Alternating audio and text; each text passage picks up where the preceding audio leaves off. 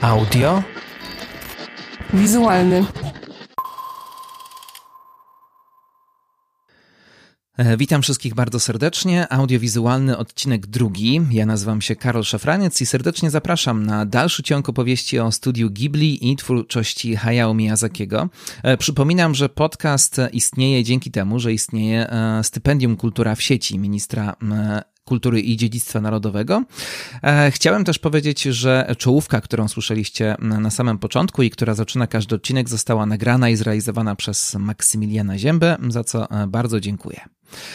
No a teraz już e, dalszy ciąg naszej opowieści. Przypominam, że e, pierwszy odcinek dotyczył e, historii Hayao Miyazakiego, jego dzieciństwa, jego pewnego takiego backgroundu, z którego pochodził i pewnych przeżyć, które potem miały znaczący, będą miały znaczący wpływ na jego twórczość.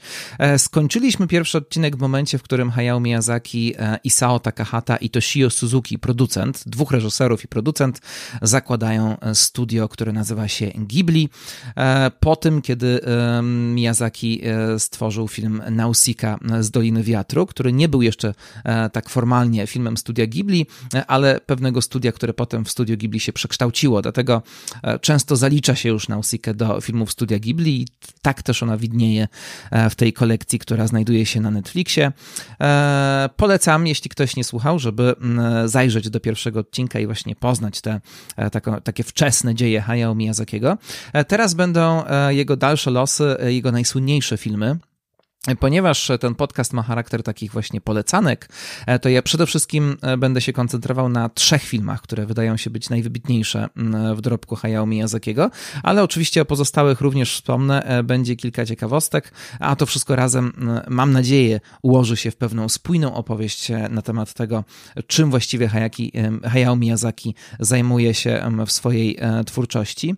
E, Właściwie powinniśmy zacząć od rzeczy najbardziej podstawowej, czyli od samego słowa Ghibli, od nazwy studia, ponieważ jest ona dość tajemnicza. E, Natomiast e, to, co ona właściwie znaczy i czemu takie słowo zostało wybrane i jak się też to słowo czyta, postanowiłem ten fakt zostawić na sam koniec odcinka. I robię to dlatego, że mm, troszkę bardziej klarowna okaże się, okaże się powód e, wyboru tego właśnie słowa, kiedy już znamy e, treść e, i to, jak potoczyła się kariera Hayao Miyazakiego. Pierwszy film, który Miyazaki kręci dla studia Ghibli, które się już tak nazywa, to film z 86 roku, czyli Laputa, Zamek w chmurach. Film, który mm, jest bardzo sprawnie zrealizowany, bardzo pięknie zrealizowany, e, ale który w jakimś sensie e, może się wydawać krokiem wstecz w stosunku do Nausiki. E, I to chyba dość ciekawe zjawisko, ponieważ no, mamy własne studio, możemy kręcić to, możemy tworzyć to, co chcemy. I wydaje się, że Miyazaki właśnie będzie jakby pogłębiał tworzenie takiego własnego, unikalnego świata. Tymczasem stworzył coś, co wydaje się bardziej mainstreamowe i bardziej zgodne z pewną formułą takiego typowego anime. Jest to zresztą powrót Miyazakiego do m, serialu Future Boy Conan, e, który m, tworzył jeszcze w czasach e, sprzed Ghibli. E, Tamten serial był taką przygodową opowieścią o grupie śmiałków, e, w których e, głównymi bohaterami była, był chłopiec i dziewczyna, e, no i którzy walczyli w przestworzach e, z różnymi e, złymi postaciami.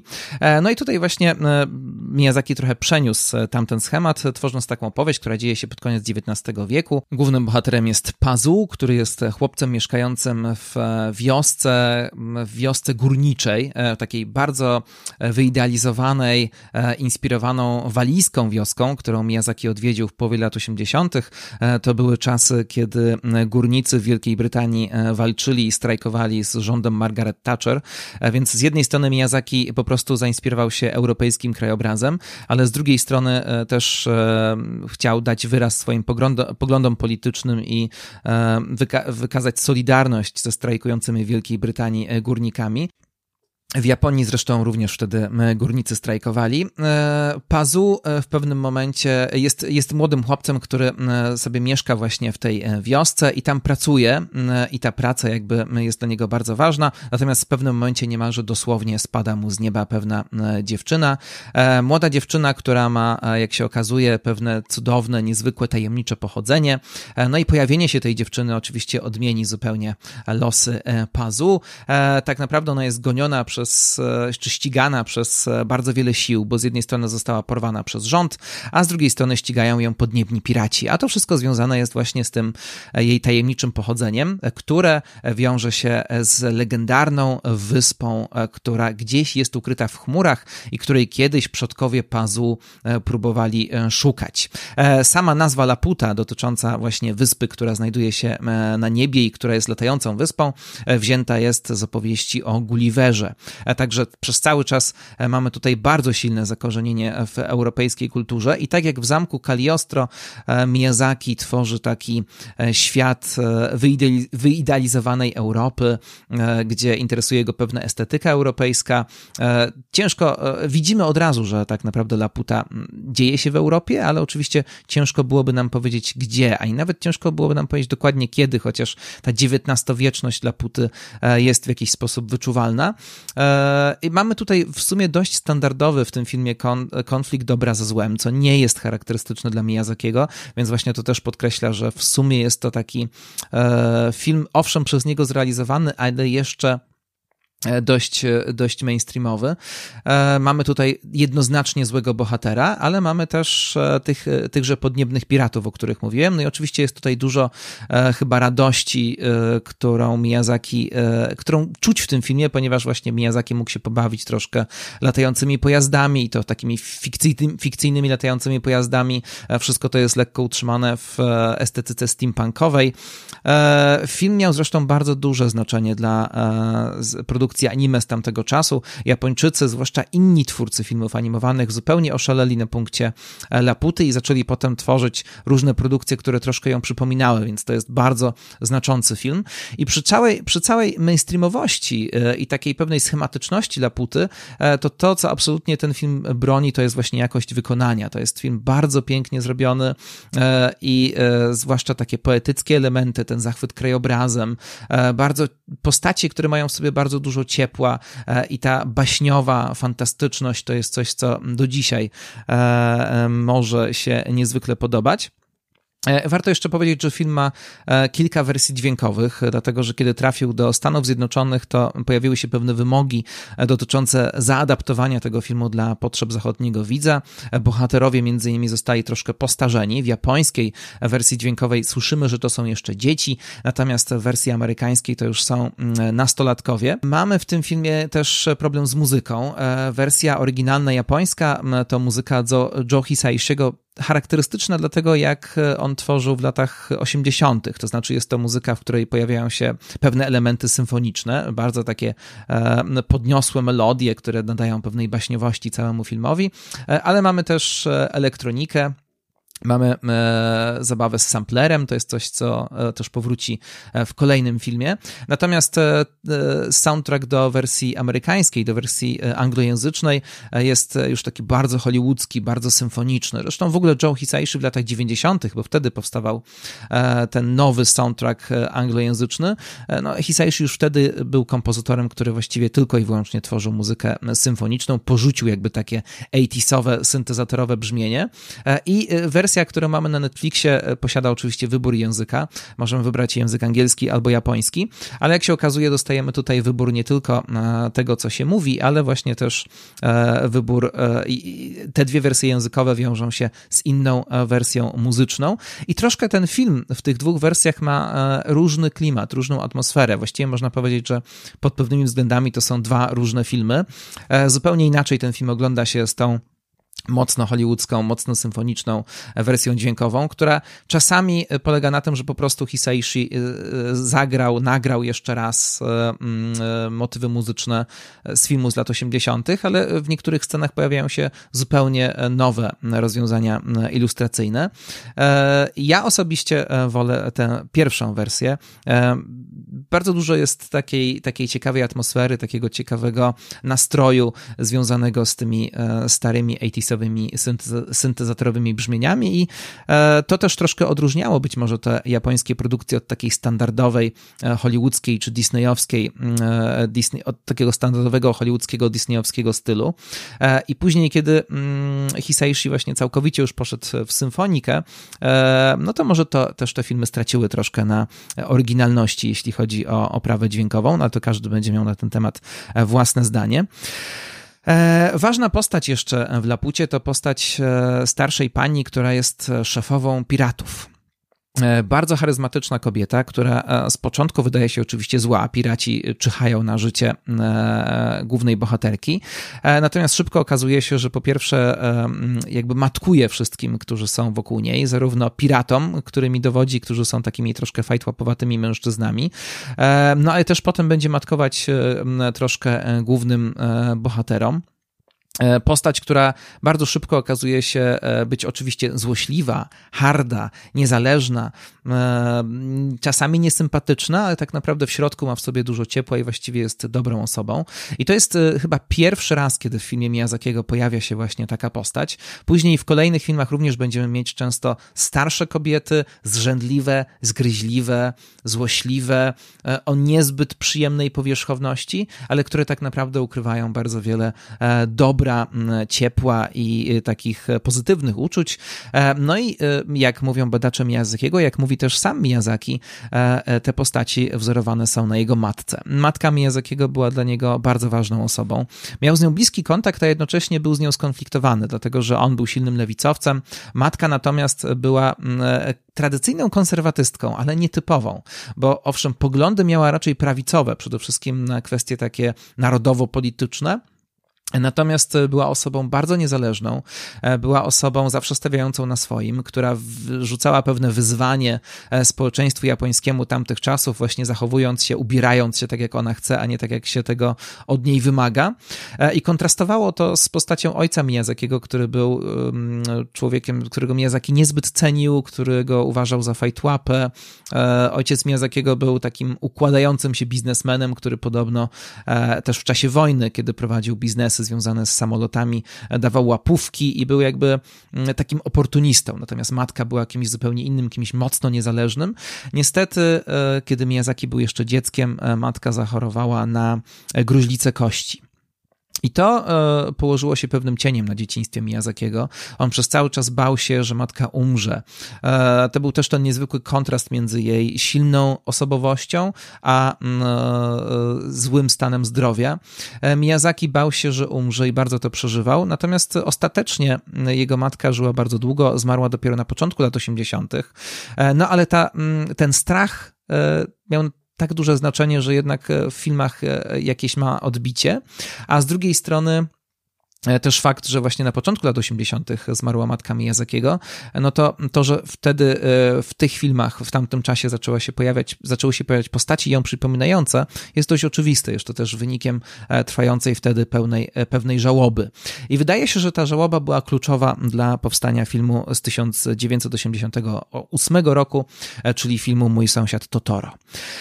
Mój sąsiad Totoro e, to film, który e, wydaje mi się być absolutnym arcydziełem. To jest e, pierwsze takie wybitne dzieło Miyazakiego i dla wielu osób to ciągle w ogóle jest najwybitniejsze dzieło Miyazakiego, a na pewno jest to film, który najbardziej z Miyazakiem się kojarzy w Japonii. Przeciętny Japończyk, kiedy powiemy mu Hayao Miyazaki, no to pierwsza rzecz, która przyjdzie mu do głowy to właśnie nie Spirited Away, nie Księżniczka Mononoke, ale najprawdopodobniej właśnie Totoro. Postać Totoro, za chwilę powiemy o tym, kim on jest, pojawia się zresztą w logo studia Ghibli. Od czasu, filmu, od czasu tego filmu każda kolejna produkcja studia Ghibli zaczyna się właśnie od wizerunku stworka, który nazywa się e, Totoro. E, I jest to film troszkę już inny od wcześniejszych produkcji, dlatego że nie jest to film wprost fantastyczny, albo jest to film, który łączy w sobie pewną baśniowość i fantastykę z takim małym kameralnym realizmem. I z tego powstało coś bardzo niezwykłego, bardzo oryginalnego i niezwykle poetyckiego. E, film opowiada o dwóch e, siostrach, a właściwie o rodzinie, o panu, o pewnym mężczyźnie, który jest profesorem, wykładowcą i jego e, młodych córkach, które są no, bardzo, młodymi dziewczy- bardzo młodymi dziećmi, zwłaszcza ta młodsza, no to jest jeszcze takie czteroletnie dziecko. Ta, ta starsza jest troszkę bardziej odpowiedzialna i próbuje opiekować się młodszą siostrą. Cała trójka wyjeżdża z wielkiego miasta na wieś. Wyjeżdżają na wieś dlatego, że matka dziewczynek jest ciężko chora i przebywa w ośrodku, gdzie się leczy leczy, który jest niedaleko, więc po to, żeby nie być od niej zbyt daleko, wszyscy przeprowadzają się właśnie na wieś. Czujemy w tym filmie, że choroba matki jest dość poważna, aczkolwiek ona nigdy nie zostanie nazwana. Bardzo wiele zresztą w Totoro to rzeczy, które pozostaną niewypowiedziane, delikatnie zasugerowane.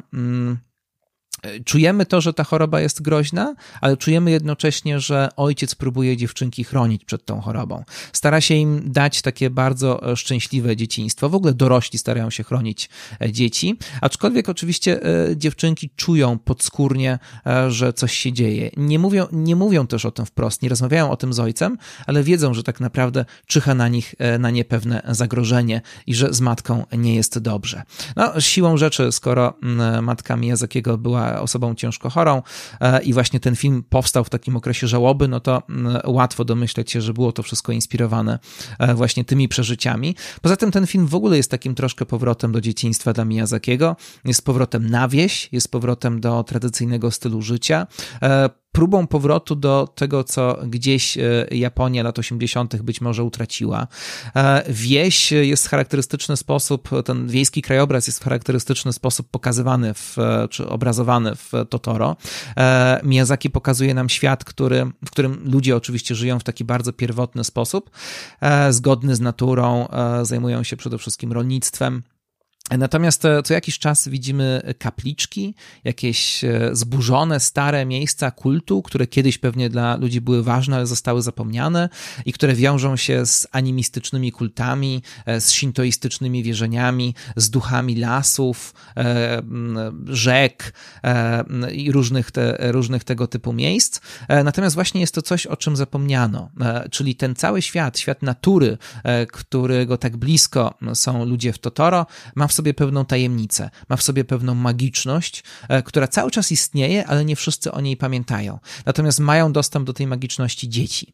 E, I te dwie siostry, które są bohaterkami filmu, są postaciami fenomenalnymi, e, zwłaszcza ta młodsza, która jest niesforna, która jest otwarta na przygodę, która absolutnie niczym się nie przejmuje, nie przejmuje i po prostu nie bojąc się idzie przed siebie, szuka przygody, chce odkryć świat i jak to często bywa w takich baśniowych opowieściach, potrafi zobaczyć to, czego starsi, nawet starsze od niej dzieci zobaczyć nie potrafią. Ona jakby e, ma kontakt e, z jakimiś takimi pierwotnymi siłami, które drzemią w naturze i właśnie ona widzi różnego rodzaju duszki, różnego rodzaju stwory, które pojawiają się w tym świecie, i ona wreszcie, podążając za e, jednym takim stworkiem, e, trafia do, mm, jeśli można tak powiedzieć, legowiska wielkiego, wielkiego przypominającej, e, takiej wielkiej postaci przypominającej troszkę misia, i którym właśnie jest tytułowy Totoro. Niezwykłe w filmie Miyazakiego jest to, że tak jak ta historia z matką nie jest wypowiedziana wprost, tak samo my nigdy nie dowiemy się, kim właściwie jest Totoro. E, to jest film, który przede wszystkim e, e, przemawia do nas obrazem, dźwiękiem, nastrojem, atmosferą. Cały czas coś sugeruje, cały czas do końca nie mówi, co to jest i faktycznie jest to film, który w ogóle bardzo trudno opowiedzieć. On też nie ma jakiegoś zarysowanego konfliktu, nie ma tradycyjnej dramaturgii. Po prostu oglądamy ten film i wczuwamy się w pewne historie i tak naprawdę też w zależności od tego, w jakim jesteśmy wieku, to mam wrażenie, że Totoro będzie troszkę o czymś innym. Dziewczynki w końcu poznają e, ten świat magiczny, poznają Totoro, a jednocześnie obok e, rodzice, dorośli e, cały czas e, mają swoje problemy. Wiadomo, że matkę można utracić i dziewczynki to w jakiś sposób czują. Ojciec musi się zajmować swoimi, swoimi sprawami i w pewnym momencie nie wraca. I zawsze wtedy, kiedy świat realny niesie ze sobą różnego rodzaju problemy, wtedy właśnie dziewczynki dostają jakby pomoc od tego świata natury. I ten świat natury, co jest, też będzie potem charakterystyczne charakterystyczny dla Miyazakiego jest dość dwuznaczny, jest dwojaki, e, bo oczywiście e, przede wszystkim jest na tyle tajemniczy, że my nigdy nie jesteśmy w stanie go do końca zrozumieć. Owszem, człowiek może żyć w zgodzie z naturą, człowiek może intuicyjnie e, wejść w jakiś stan harmonii z nią, ale tak naprawdę jest ona taką rzeczywistością, takim obszarem, który do końca jest niezrozumiały, jest nieprzenikniony. Dziewczynki w jakiś sposób potrafią się z nią zsynchronizować, ale również nie potrafią jej zracjonalizować. Tak naprawdę one nie do końca rozumieją, co się dzieje, tylko po prostu się na to otwierają. E, natura pojawia się jako rodzaj ochrony, to znaczy te wszystkie fantastyczne postacie pojawiają się często w tym momencie, kiedy dziewczynki są w pewnym zagrożeniu. Totoro i jego e, towarzysze ratują jakby e, głównych, główne bohaterki wtedy, kiedy dzieje się coś złego. Są pewnego rodzaju wybawieniem, e, odwracają uwagę od smutku, smutku, od zła i zwracają e, ich e, uwagę ku czemuś, e, ku takim przyjemnościom, ku pewnym rozkoszom.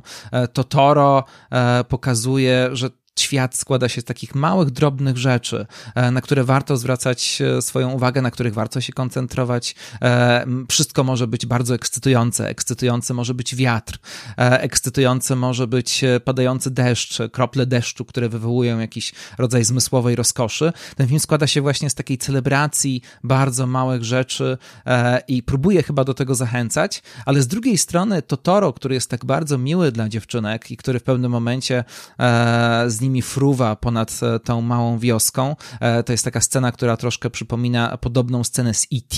I miałem takie wrażenie, kiedy oglądałem Totoro, że być może Hayao Miyazaki jest takim e, zagubionym łącznikiem, zagubionym elementem między Akira Kurosałą i Stevenem Spielbergiem, bo z jednej strony Miyazaki ma pewną cudowność i taką dziecięcą radość świata, e, która znajduje się w filmach Spielberga, ale zarazem jego filmy mają pewien artystyczny naddatek, e, który jest charakterystyczny dla takich twórców właśnie jak Kurosawa. E, z jakiejś jeszcze innej strony może się Totoro kojarzyć z Fellinim i z Amarkordem, właśnie dlatego, że znowu mamy tutaj reżysera, który powraca do krainy dzieciństwa i który troszkę to swoje dzieciństwo mitologizuje. I w Amarkordzie oczywiście mieliśmy bardzo dużo rozważań na temat historii Włoch, ale mieliśmy też wiele scen, gdzie pojawiają się dzieci i te dzieci e, często są, kiedy wybierają się na przykład samotnie w jakąś wędrówkę, to odkrywają właśnie jakąś taką bardziej magiczną e, stronę natury. No i tak jak mówiłem, Totoro jest oczywiście postacią cudowną, ciepłą i sympatyczną, ale zarazem czujemy, że on jest duży i on mógłby być groźny, a więc natura ma też tą swoją drugą stronę, która dla nas jest wyczuwalna, ale akurat dziewczynkom się nie objawia. E, z drugiej strony jednak jest w tym filmie coś, e, co szczególnie jest wyczuwalne, kiedy jesteśmy starsi. Mi się wydaje, że jak jesteśmy dorośli, to znajdujemy w tym filmie rzeczy mm, e, bardzo niezwykłe, mianowicie przy tej całej radości tego filmu, przy tej całej takiej jego teoretycznej beztrosce, to nie tylko choroba matki, ale również inne wydarzenia cały czas zapowiadają jakąś tragedię. Dziewczynki w jakiś sposób tak naprawdę przechodzą pewien rodzaj inicjacji. Wchodzą powoli w dorosłe życie, poznają świat natury, który ma swoją piękną, ale też swoją brutalną stronę i wchodzą w świat straty, bo nad całym filmem unosi się e, jakiś taki właśnie niewypowiedziany smutek. E, Totoro to owszem jest film o małych radościach, ale to też w jakimś sensie jest film o stracie, o żałobie i o tym, że trzeba się na nią powoli przygotowywać. E, nawet jeśli żadna prawdziwa katastrofa się nie dzieje, to my cały czas czujemy w Totoro, że coś za chwilę się stanie, albo kiedyś coś stanie się na pewno. Strata jest immanentną częścią życia, jest immanentną częścią natury i w jakiś sposób trzeba się z nią pogodzić. E, bardzo piękne, e, bardzo niezwykłe dzieło. Momentami e, Miyazaki naprawdę jakby pokazuje taką swoją poetycką wrażliwość. No i Totoro staje się to, a właśnie, Totoro nie, nie staje się od razu hitem. E, Totoro w ogóle wchodzi do kin w sposób bardzo specyficzny, ponieważ wchodzi jako tak zwany double bill, czyli jako podwójny seans, e, dlatego że Hayao Miyazaki i Isao Takahata, czyli ci dwaj główni reżyserzy z Ghibli, tworzyli w 1988 roku dwa filmy równolegle i postanowili, czy to Shio Suzuki stwierdził, że dobrze będzie je wpuścić do kin razem. I to był ruch zarazem niezbyt fortunny, a jednocześnie jednocześnie bardzo intrygujący. E, niefortunny dlatego, że te dwa filmy to właśnie Mój sąsiad Totoro e, i e, słynny Grobowiec Świetlików, czyli film Isao Takahaty. Było to niefortunne dlatego, że Grobowiec Świetlików był filmem bardzo przygnębiającym. I filmem był dla starszej publiczności. No to Toro z kolei był filmem pozornie radosnym i filmem raczej dla e, małych dzieci, więc niekoniecznie um, łatwo było zebrać tę właściwą publiczność, ponieważ wydaje się, że publiczności tych dwóch filmów gryzły się ze sobą, więc to nie był e, z, e, z perspektywy marketingowej czy finansowej dobry ruch. Ale z drugiej strony mm, te dwa filmy się bardzo niezwykle uzupełniały. One w jakimś stopniu krążyły wokół tego samego tematu, bo obydwa właśnie opowiadały o jakiejś stracie, przy czym jeden opowiadał o niej wprost, a drugi w sposób bardzo zakamuflowany. No i obydwa opowiadały o dzieciach, o bardzo młodych ludziach, e, które nagle stykają się z czymś, co je przerasta, chociaż właśnie w każdym z tych filmów na zupełnie inny sposób. Natomiast e, kluczem do sukcesu e, Totoro była tytułowa postać, to znaczy Totoro mógł stać się maskotką i Studio Ghibli zaczęło produkować różnego rodzaju dodatkowe mm, e, produkty, zabawki, maskotki e, i dzięki temu e, film stał się popularny w, na rynku mm, już nośników domowych, przede wszystkim na VHS. Każda japońska rodzina chciała mieć u siebie Totoro, dzieciom Totoro się bardzo podobał. No i stopniowo, stopniowo e, ten film stał się kultowy, e, aż w końcu e, stał się filmem tak znanym, że niektórzy twierdzą, że właściwie jest to jeden z najbardziej znanych japońskich filmów, jakie w ogóle istnieją. To znaczy, sami Japończycy uważają Totoro za taki ważny, za taką ważną część swojej tożsamości narodowej. Totoro wychowuje kolejne pokolenia. Każda japońska rodzina ma przynajmniej jedną kopię tego filmu u siebie w domu. No i dzięki temu właśnie to się stała taka najbardziej znana postać, jak jaką Studio Ghibli e, stworzyło. E, słyszałem kiedyś taką legendę, że jeśli przebywamy w Japonii e, i rozmawiamy z jakimiś Japończykami i nie wiemy o czym z nimi rozmawiać, albo gdzieś poznajemy jakiegoś Japończyka, chcemy z nim porozmawiać, ale nie wiemy o czym, to możemy zacząć rozmawiać o Totoro, dlatego że właśnie jest to taka postać, którą wszyscy znają, to jest taki film, który ukształtował Japończyków i który jest dla nich niesamowicie ważny. E, I dla Miyazakiego e, ta popularność Totoro, e, tutaj warto nadmienić, że Totoro między innymi pojawia się w, bodajże w tej Story 2. W pewnym momencie wśród zabawek gdzieś w tle widzimy właśnie postać Totoro, to jest jeden z takich hołdów twórcy Pixara Johna Lassetera dla Hayao Miyazakiego. Panowie się znają od początku lat 80. i bardzo się ze sobą przyjaźnią i czasami też współpracowali zawodowo. Natomiast dla Miyazakiego popularność Totoro w pewnym momencie była problemem, ponieważ on bardzo długo chciał stworzyć jakąś inną postać, która będzie równie popularna e, i mówi, mówi do dzisiaj Miyazaki, że Totoro jest jego wrogiem, że stał się tak naprawdę takim monstrum które e, przykrywa cieniem wszystko inne, co on zrobił, i on strasznie by chciał stworzyć coś, e, coś nowego, coś, co, co tego Totoro przebije. No ale prawdopodobnie będzie musiał się pogodzić z tym, że e, Totoro pozostanie najpopularniejszą, najbardziej znaną postacią, jaką stworzył, przynajmniej e, w swoim rodzinnym kraju. E, Totoro, mm, tak jak e, w takim razie mówiłem, był takim spóźnionym sukcesem w Japonii, e, natomiast nie był to jeszcze film, który jakoś specjalnie przebiłby się na zachód i byłby znany gdzie indziej. Natomiast w 1989 roku Miyazaki wypełnia zobowiązanie jeszcze z połowy lat 80. Wtedy studio Ghibli podpisało umowę na adaptację książki napisanej na początku lat 80., japońskiej książki dla dzieci, Podniebna Poczta Kiki. Początkowo ten film miał być kręcony przez kogoś innego ze studia Ghibli, a ostatecznie Miyazaki sam się nim zajął. E, E, popadł zresztą w konflikt z autorką, ponieważ film znacząco różni się od tego, jak e, wyglądała książka. Miyazakiego prawdopodobnie interesowała ta historia, dlatego że znowu mamy tutaj opowieść o dojrzewaniu. Mamy tutaj historię młodej dziewczyny, która jest wiedźmą, 13-letnią wiedźmą i która musi teraz osiągnąć samodzielność, wobec czego wylatuje z rodzinnego miasta na swojej miotle i trafia do dużego miasta, które jest znowu takim wyidealizowanym europejskim europejskim miastem, takim jakby ekstraktem europejskości, ale oczywiście europejskości potraktowanej bardzo stereotypowo, schematycznie i powierzchownie. Ale z drugiej strony, e, no tutaj widać tą e, właśnie charakterystyczną dla Miyazakiego fascynację europejskością, o której już mówię od jakiegoś czasu e, i dodaje to, wydaje mi się, temu filmowi bardzo dużo uroku. No i tam właśnie nasza bohaterka musi sobie znaleźć jakąś pracę. Ten wątek młodych osób, które pracują i dzięki pracy, dzięki ciężkiej pracy uzyskują pewną podmiotowość, to jest wątek bardzo ważny dla Miyazakiego. Miyazaki jako taki tradycjonalista wierzy w wartość ciężkiej pracy, pracy, pracy ręcznej, takiego faktycznie rzemiosła. I często właśnie dorosłość, odpowiedzialność bohaterowie i zwłaszcza bohaterki Miyazakiego uzyskują właśnie wtedy, kiedy zaczynają pracować. I kiedy też to jest po prostu taka prawdziwa praca regularna e, praca zarobkowa, e, to budzi, od początku budziło pewnego rodzaju opory na zachodzie. Kiedy filmy Miyazakiego trafiały do Stanów Zjednoczonych, e, no to niektórzy prosili Miyazakiego, żeby wyciąć może te wątki i to dotyczy także Laputy, gdzie Pazu pracował jako górnik w miasteczku górniczym, mimo tego, że był dzieckiem. No i tu jest pewna różnica w mentalności japońskiej i mentalności świata zachodniego u Miyazakiego właśnie praca, także praca dzieci w jakimś sensie je uszlachetnia i pozwala im dojrzeć, nie tylko stawać się dorosłymi i jakby brać odpowiedzialność finansową za siebie, ale też e, dojrzewa, pozwala im dojrzewać emocjonalnie. E, no i właśnie Kiki musi sobie jakąś pracę znaleźć.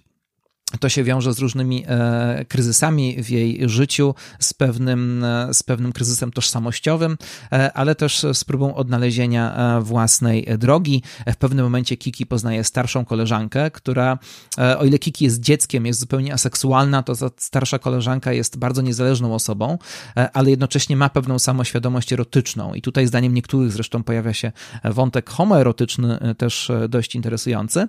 Kiki jest filmem w sumie dość lekkim, dość radosnym bardzo e, sympatyczna jest postać kotka na przykład w tym filmie, taka bardzo urocza. Miyazakiego zainteresowała ta historia nie tylko e, dlatego, że znowu mógł opowiedzieć o niezależnej, młodej e, dziewczynie, która staje się kobietą i która szuka własnej drogi, ale podobało mu się też to, że e, ta historia pozwoliła mu w jakimś sensie zdekonstruować gatunek, który jest bardzo popularny w Japonii i który właśnie Miyazaki tworzył jeszcze w czasach, kiedy był animatorem seriali, czyli gatunek związany z młodymi dziewczynami, które mają jakieś magiczne moce i za pomocą tych magicznych mocy rozwiązują różnego rodzaju problemy. E, Miyazakiego w pewnym momencie irytowała schematyczność e, tego typu seriali, e, schematyczność tych młodych dziewcząt, schematyczność ich problemów i teraz mógł odwołać się do tej konwencji, ale ją pogłębić i w jakimś sensie ją unieważnić i to było chyba to, co było dla niego szczególnie pociągające w tej historii. Kiki, tak jak mówiłem, to film lekki, sympatyczny, taki bajkowy, ale mający oczywiście też swoje poważne elementy, natomiast to był zdecydowany przełom, jeśli chodzi o kontakty z Zachodem. E, Kiki trafia do Stanów Zjednoczonych, e, Miyazaki i Studio Ghibli e, podpisują umowę z Disneyem 15-letnią na dystrybuowanie filmów Miyazakiego w Stanach Zjednoczonych. Umowę, która przyniesie zresztą bardzo dużo problemów. Na początku postacie, e, które będą negocjować e, ze studiem Ghibli sposób adaptowania japońskich filmów dla potrzeb zachodniego widza. Nie do końca, nie do końca te osoby będą miały wyczucie Japonii, japońskiej kultury i będzie z tego wynikało dużo konfliktów, natomiast potem z czasem całą tą sprawą zajmie się wspomniany wcześniej szef Pixara John Lasseter i on będzie starał się już przygotowywać filmy Miyazakiego w taki sposób, żeby miały właściwy, żeby z jednej strony miały właściwy odbiór w Stanach Zjednoczonych, ale z drugiej strony, żeby to wszystko było zgodne z duchem tego, e, czym te e, filmy są. E, w 1992 roku Miyazaki kręci film Porco Rosso Szkarłatny Pilot, który również miał być stosunkowo lekką historią, takim mm, troszkę pofolgowaniem swoim, pofolgowaniem swoim pasją. Znowu miała być to taka po prostu historia akcji o bohaterskim pilocie, który w Europie, w Europie bo we Włoszech lata swoim samolotem i walczy mm, ze złymi piratami. No i wszyscy go uwielbiają. E, jednak ta beztroska historia e, okazała się troszkę bardziej poważna. 92 rok to oczywiście czas przełomu politycznego i Miyazaki wydaje się być podwójnie rozczarowany. Z jednej strony jest rozczarowany upadkiem Związku Radzieckiego, bo to takie ostateczne pogrzebanie komunistycznej utopii, a jak wiadomo e, Miyazaki i jego lewicowe zaangażowanie doprowadzało też do tego, że kiedyś nawet odebrał nagrodę od Związku Radzieckiego i podobno był z niej wówczas bardzo dumny. Ale świat po upadku Związku Radzieckiego, te, to nowe rozdanie również okazało się być rozczarowujące. E, wydawało się, że być może świat e, znajdzie jakąś nową drogę pokoju, że będzie można żyć w nowej rzeczywistości bezkonfliktowej. Tymczasem e, początek lat 90., 91 rok to, to początek konfliktu na Bałkanach. I wojna w Jugosławii jest czymś, co bardzo Miyazakiego zasmuciło, przygnębiło i właśnie wtedy stwierdził, że ostatecznie trzeba nadać Porco Rosso trochę poważniejsze najważniejszego rysu. I ta postać Porco Rosso, tego szkarłatnego pilota, w gruncie rzeczy jest dość tragiczna. Ten, mm, ten żołnierz, który zostaje zamieniony w świnkę, ma w sobie pewien rodzaj tragiczności, ma w sobie jakiś rys tragiczny i ma w sobie pewien, pewną samotność, z której nie potrafi się dźwignąć, więc teoretycznie bardzo rozrywkowy film, ale właśnie mający pewne takie mroczniejsze podbrzusze. Znowu taka refleksja Miyazakiego na temat wojny, które, które nie potrafi go opuścić. I co ciekawe, Porco Rosso, Szkarłatny Pilot, to film, który był stworzony przez Ghibli na zamówienie linii lotniczych i miał w jakimś stopniu promować po prostu lotnictwo, więc paradoksalnie właśnie dlatego miał to być film lekki i przyjemny, a stał się czymś troszkę jednak innym. I ciekawa była jego dystrybucja, ponieważ Porco Rosso trafił równocześnie do kin i do samolotów, do, gdzie pokazywany był właśnie w czasie lotów. Po Porco Rosso Miyazaki zastanawiał się, w jaką stronę pójść. Między 92 a 97 rokiem pisał kilka scenariuszy, między innymi filmów, które potem tworzyli już inni twórcy. E, nakręcił teledysk On Your Mark, to też taka ciekawostka, animowany teledysk pewnego japońskiego zespołu rockowego mm, i to podobno ten teledysk troszkę go zainspirował do tego, jaki film stworzyć później. E, skoro Porco Rosso był filmem bardziej e, poważnym, to wynikało też z takiej refleksji Miyazakiego, że skoro świat jest pełen konfliktów i bardzo poważnych sytuacji, to kręcenie takich filmów jak Kiki na dłuższą metę nie ma sensu. Trzeba jednak tworzyć rzeczy poważne nawet kiedy robimy filmy dla dzieci, to nie powinniśmy pokazywać im świata zbyt wyidealizowanego, zbyt pięknego, ponieważ jest to jakiś rodzaj kłamstwa. E, niemniej jednak w 1997 roku Miyazaki tworzy e, księżniczkę Mononoke, E, drugi, wydaje mi się, e, najwybitniej, drugi z takiej serii najwybitniejszych jego filmów. E, film, który właściwie jest już filmem dla dorosłych. Film, który podobnie jak Nausicaa jest opowieścią bardzo okrutną, bardzo brutalną, która podejmuje temat wojny w sposób tak bardzo serio. E, I skąd ten film się wziął? Otóż e, e, Miyazaki w 1994 roku zakończył pewien wa ważny etap swojej twórczości, ponieważ zakończył tworzenie mangi Nausicaa. I ten powstający 12 lat komiks bardzo się zmieniał. Nausicaa na końcu, pod koniec swoich przygód, jest już zupełnie inną bohaterką niż na początku zmieniał się przez ten czas jej stosunek do świata i też e, stosunek e, Miyazakiego do Nausiki się zmieniał. E, Miyazaki miał już trochę inne poglądy, troszkę bardziej zniuansowane. Sam film Nausika, o czym też mówiłem w poprzednim odcinku, Miyazaki nie był do końca z niego zadowolony, miał takie poczucie, że to nie jest jeszcze, to nie jest jeszcze jego własny język, jego własny głos, ale też warto było, byłoby wrócić do tej historii i troszkę opowiedzieć ją na nowo, z lekkim przesunięciem akcentów. Niemniej jednak w Ghibli była taka zasada, Toshio Suzuki ją stosuje do dzisiaj, że raczej nie kręcimy sequeli, a też Miyazaki miał takie poczucie, że byłby to niepotrzebny powrót do czegoś, co już zostało stworzone, e, wobec czego wymyślił nowy film, e, który jest zarazem czymś zupełnie nowym, a jednocześnie jest właśnie powtórzeniem, jest jakąś wariacją na temat tej historii, która została opowiedziana w Nausice. A więc e, troszkę auto remake, a troszkę coś zupełnie nowego. Nausika w filmie E, była postacią e, taką bardzo idealistyczną. Była to bardzo dobra dziewczyna, która żyje w bardzo złym świecie, a przynajmniej świecie, który jakoś się pogubił i który zaplątał się e, w pewnej spirali przemocy, z której nie potrafi wyjść. Nausika próbuje ten świat odczarować, próbuje nadać mu jakiś inny bieg. I w komiksie przez te ponad tysiąc stron, e, ta jej historia jest coraz bardziej skomplikowana, ponieważ Nausika stara się za wszelką cenę unikać przemocy. Niestety, żeby kogoś bronić, żeby stanąć po której ze stron, czasami musi tej przemocy użyć. Ale ktoś, kto używa przemocy u Miyazakiego, zostaje w jakimś sensie przez przemoc zarażony. E, uzależnia się od niej, nie potrafi już potem e, wyzwolić się spod jej siły i Nausika, używając przemocy, powoli zaczyna przypominać E, taki świat staje się tym, kim nigdy nie chciała być. I to jest taki bardzo potężny wewnętrzny dramat. E, no a więc widać, że pod koniec komiksu jest już zupełnie inną postacią i troszkę te refleksje Miyazaki chciał przenieść do swojego nowego filmu. No i tak właśnie powstaje Księżniczka Mononoke. E, film, w którym figura Nausiki, czy podob postaci podobnej do Nausiki właściwie zostaje rozbita na dwie osoby. Na głównego bohatera i na pewną księ pewną postać dziewczęcą, która jest utożsamiana często z tytułową księżniczką Mononoke. Warto powiedzieć, że tytuł jest już dość niejednoznaczny. Mononoke, księżniczka Mononoke, kiedy mówimy to po polsku, to mm, sugeruje to, że jest jakaś księżniczka i ma na imię Mononoke. Tymczasem słowo japońskie Mononoke oznacza pewnego złego ducha.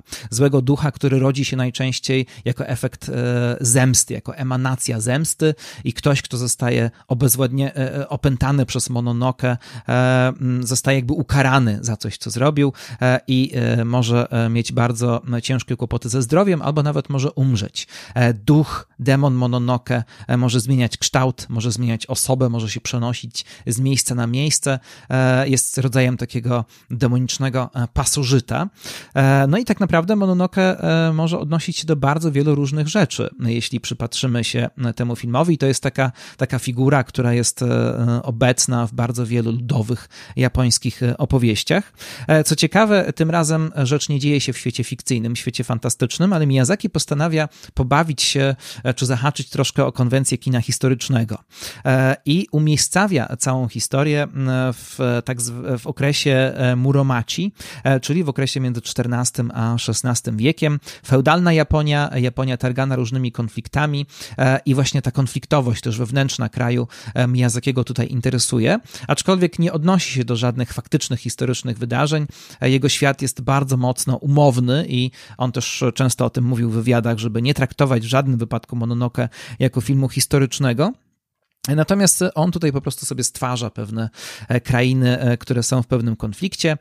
No i mamy tutaj film, który E, z jednej strony jest właśnie taką fantastyczną e, opowieścią, baśniową, e, a z drugiej strony film, który odwołuje się do całej jakby tradycji japońskiego kina historycznego, zwłaszcza do filmów Akiry Kurosawy. Mamy tutaj sceny batalistyczne, animowane, ale przypominające wielkie japońskie kino i zwłaszcza chyba w pewnej kompozycji kadrów, w pewnej estetyce film bardzo dużo czerpie z filmu Kurosawy Ran, a z drugiej strony Miyazaki opowiada na przykład o tym, że w filmie inspirował się e, twórczością wielkiego amerykańskiego twórcy Johna Forda, zwłaszcza motyw e, robotniczej wioski, e, która żyje jakby na środku dzikiej natury i próbuje wydrzeć sobie coś z tej natury, gdzie ludzie stwarzają pewną społeczność, próbują sobie pomóc i próbują po prostu przetrwać. To jest taki wątek bardzo westernowy i który pojawiał się często w filmach Johna Forda i właśnie właśnie on się Miyazakiemu spodobał i y, jakby zaadaptował go na potrzeby e, Mononoke. E, główny bohater filmu, e, Ashitaka, jest księciem w pewnej krainie. E, zostaje zaatakowany przez wielkiego dzika, który jest demonem.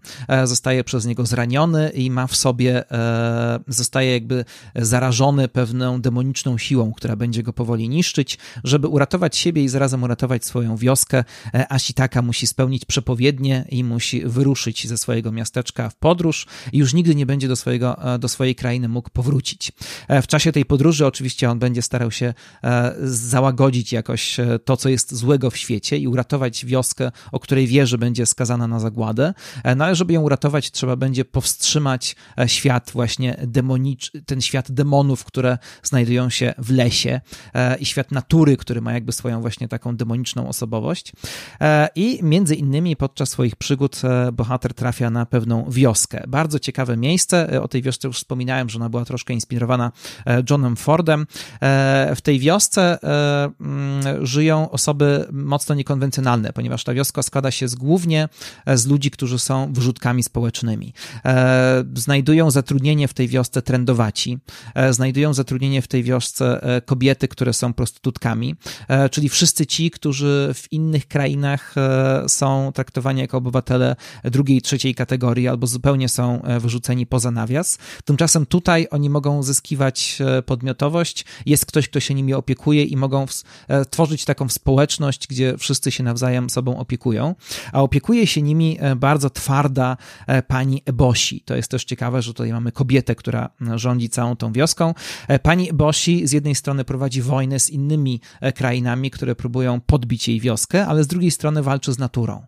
Walczy z lasem i jest gotowa militarnie dać oprzeć demonom, które z lasu się wydobywają i które atakują wioskę w odruchu zero zemsty, ponieważ pani Eboshi wykorzystuje dość brutalnie świat natury E, po to, żeby po prostu przeżyć. E, w środku tego e, konfliktu natury z wioską pani Eboshi znajduje się właśnie główny bohater, E, który e, poznaje w pewnym momencie e, też dziewczynę o imieniu San, która mieszka w lesie, która walczy przeciwko ludziom i która sprzymierzona jest właśnie z tymi niezwykłymi postaciami demonicznych zwierząt. Ona była wychowywana przez wilki, wobec czego trzyma się z nimi, niemniej jednak cały czas ma w sobie coś ludzkiego. I w środku tego konfliktu natury z człowiekiem są, jest ta dwójka bohaterów. Z jednej strony Ashitaka, człowiek, który chce walczyć i chce zostać z ludźmi i walczy po stronie ludzi, ale który ma w sobie coś dzikiego, coś zwierzęcego, został zrajony przez demona i już nigdy nie będzie mógł się od tego uwolnić. No a z drugiej strony mamy tą dziewczynę, która wydaje się być ściśle związana ze światem natury, ale zarazem ma przecież w sobie cały czas pewien ludzki element. Oboje są outsiderami, oboje są jakby poza tym e, tak jasno sformułowanym konfliktem. I może właśnie dzięki temu e, pewien rodzaj ich współpracy e, sprawi, że e, przynajmniej części tych konfliktów da się, da, część tych konfliktów da się w jakiś sposób zażegnać.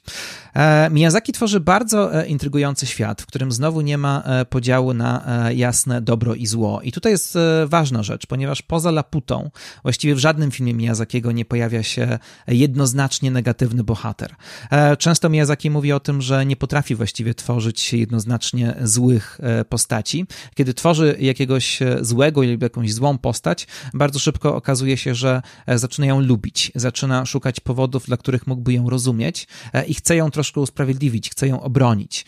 I właśnie ten filmy Miyazakiego nie są o konflikcie dobra ze złem. Tak jak w Nausice bohaterka znajduje się w jakimś konflikcie, który nie został przez nią rozpoczęty, który właściwie został gdzieś dawno temu zaczęty, zaczął się jakiś strumień wydarzeń, który sprawił, że teraz nie możemy z tego konfliktu wyjść, Podobnie jest e, właśnie Mononoke. Każdy tutaj ma własne racje. I ten świat natury, e, i ten świat ludzki. E, bo pani Eboshi wykorzystuje naturę, po prostu ją wyzyskuje, e, prowadzi tą, e, tą robotniczą wioskę e, i z jednej strony jest bardzo bezwzględna w swoim stosunku do świata, bywa bardzo okrutna i jest właściwie osobą wojowniczą, gotową na prowadzenie wojny przez cały czas, ale z drugiej strony jest jedyną osobą, która ma empatię dla tych, którzy są mieszkańcami jej wioski, jedyną osobą, która stwarza dla nich schronienie, więc to czyni ją osobą bardzo niejednoznaczną. Ona stoi po tej stronie, po której stoi bo, bo e, są też za tym pewne racje. E, I zresztą e, wielu badaczy znajduje w pani Eboshi również pewien odprysk tych postaci, które inspirowane są matką Miyazakiego, a on sam w pewnych wywiadach mówił, jakby wbrew temu, co się mówi o tym, że Miyazaki zawsze stoi po stronie natury, a wszyscy, którzy walczą z naturą, są tymi złymi, no to Miyazaki mówił parę razy, że pani Eboshi jest tak naprawdę jego ulubioną postacią z całego filmu Księżniczka Mononoke. E, na pewno Mononoke jednak jest filmem e, o przesłaniu proekologicznym. E, mamy tutaj właśnie ten wielki konflikt kultury z naturą, technologii z naturą.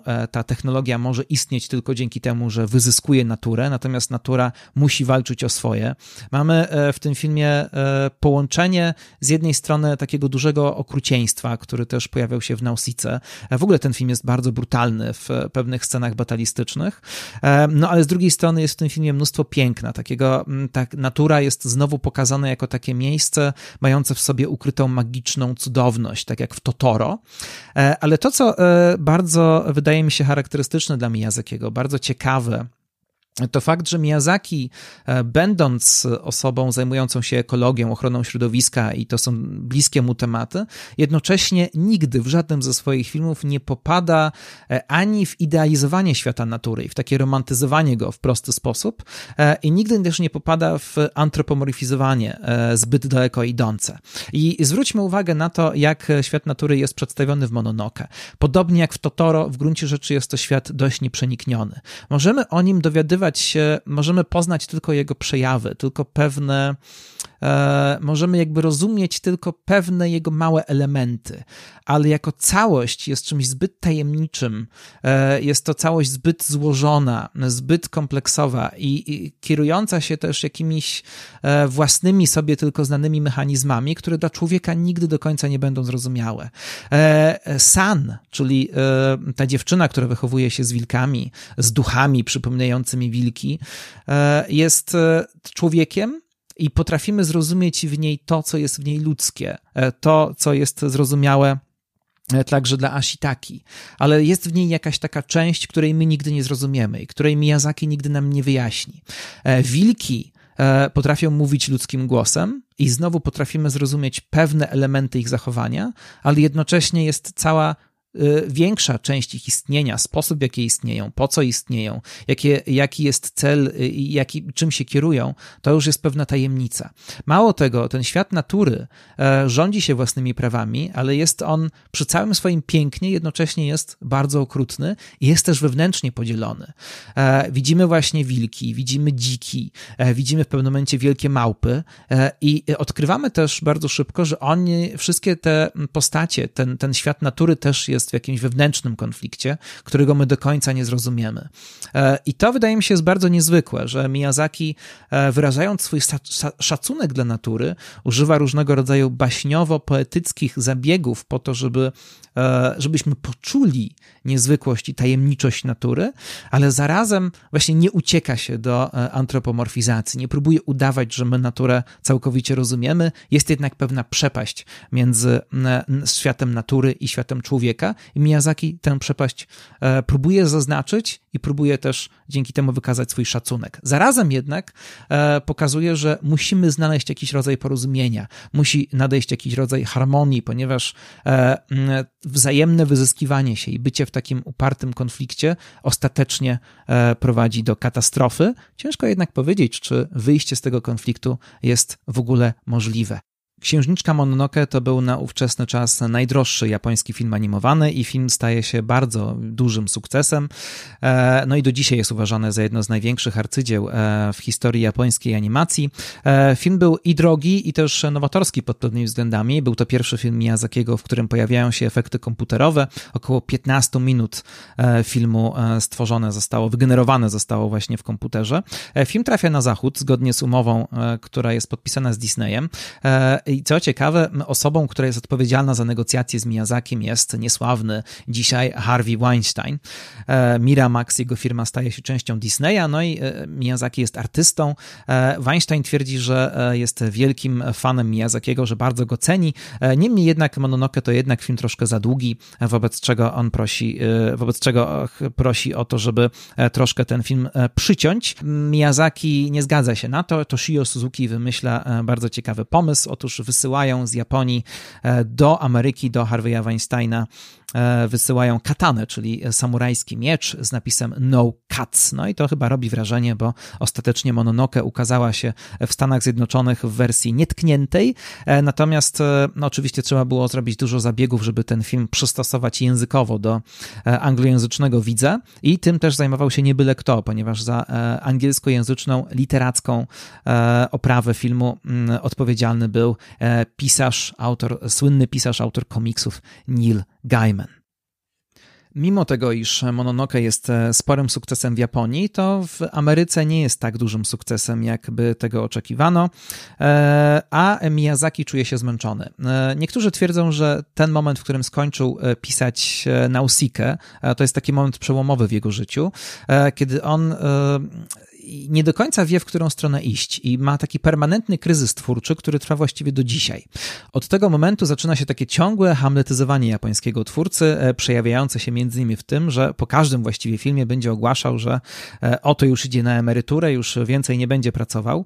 E, Miyazaki faktycznie jest zmęczony i to też wiąże się z jego trybem życia. Otóż Miyazaki słynie z tego, że jest potężnym pracocholikiem i troszkę też zresztą ten mm, pracoholizm wymusza na swoich współpracownikach, co często e, staje się przedmiotem sporów i pewnych e, zatargów e, wewnątrz studia Ghibli.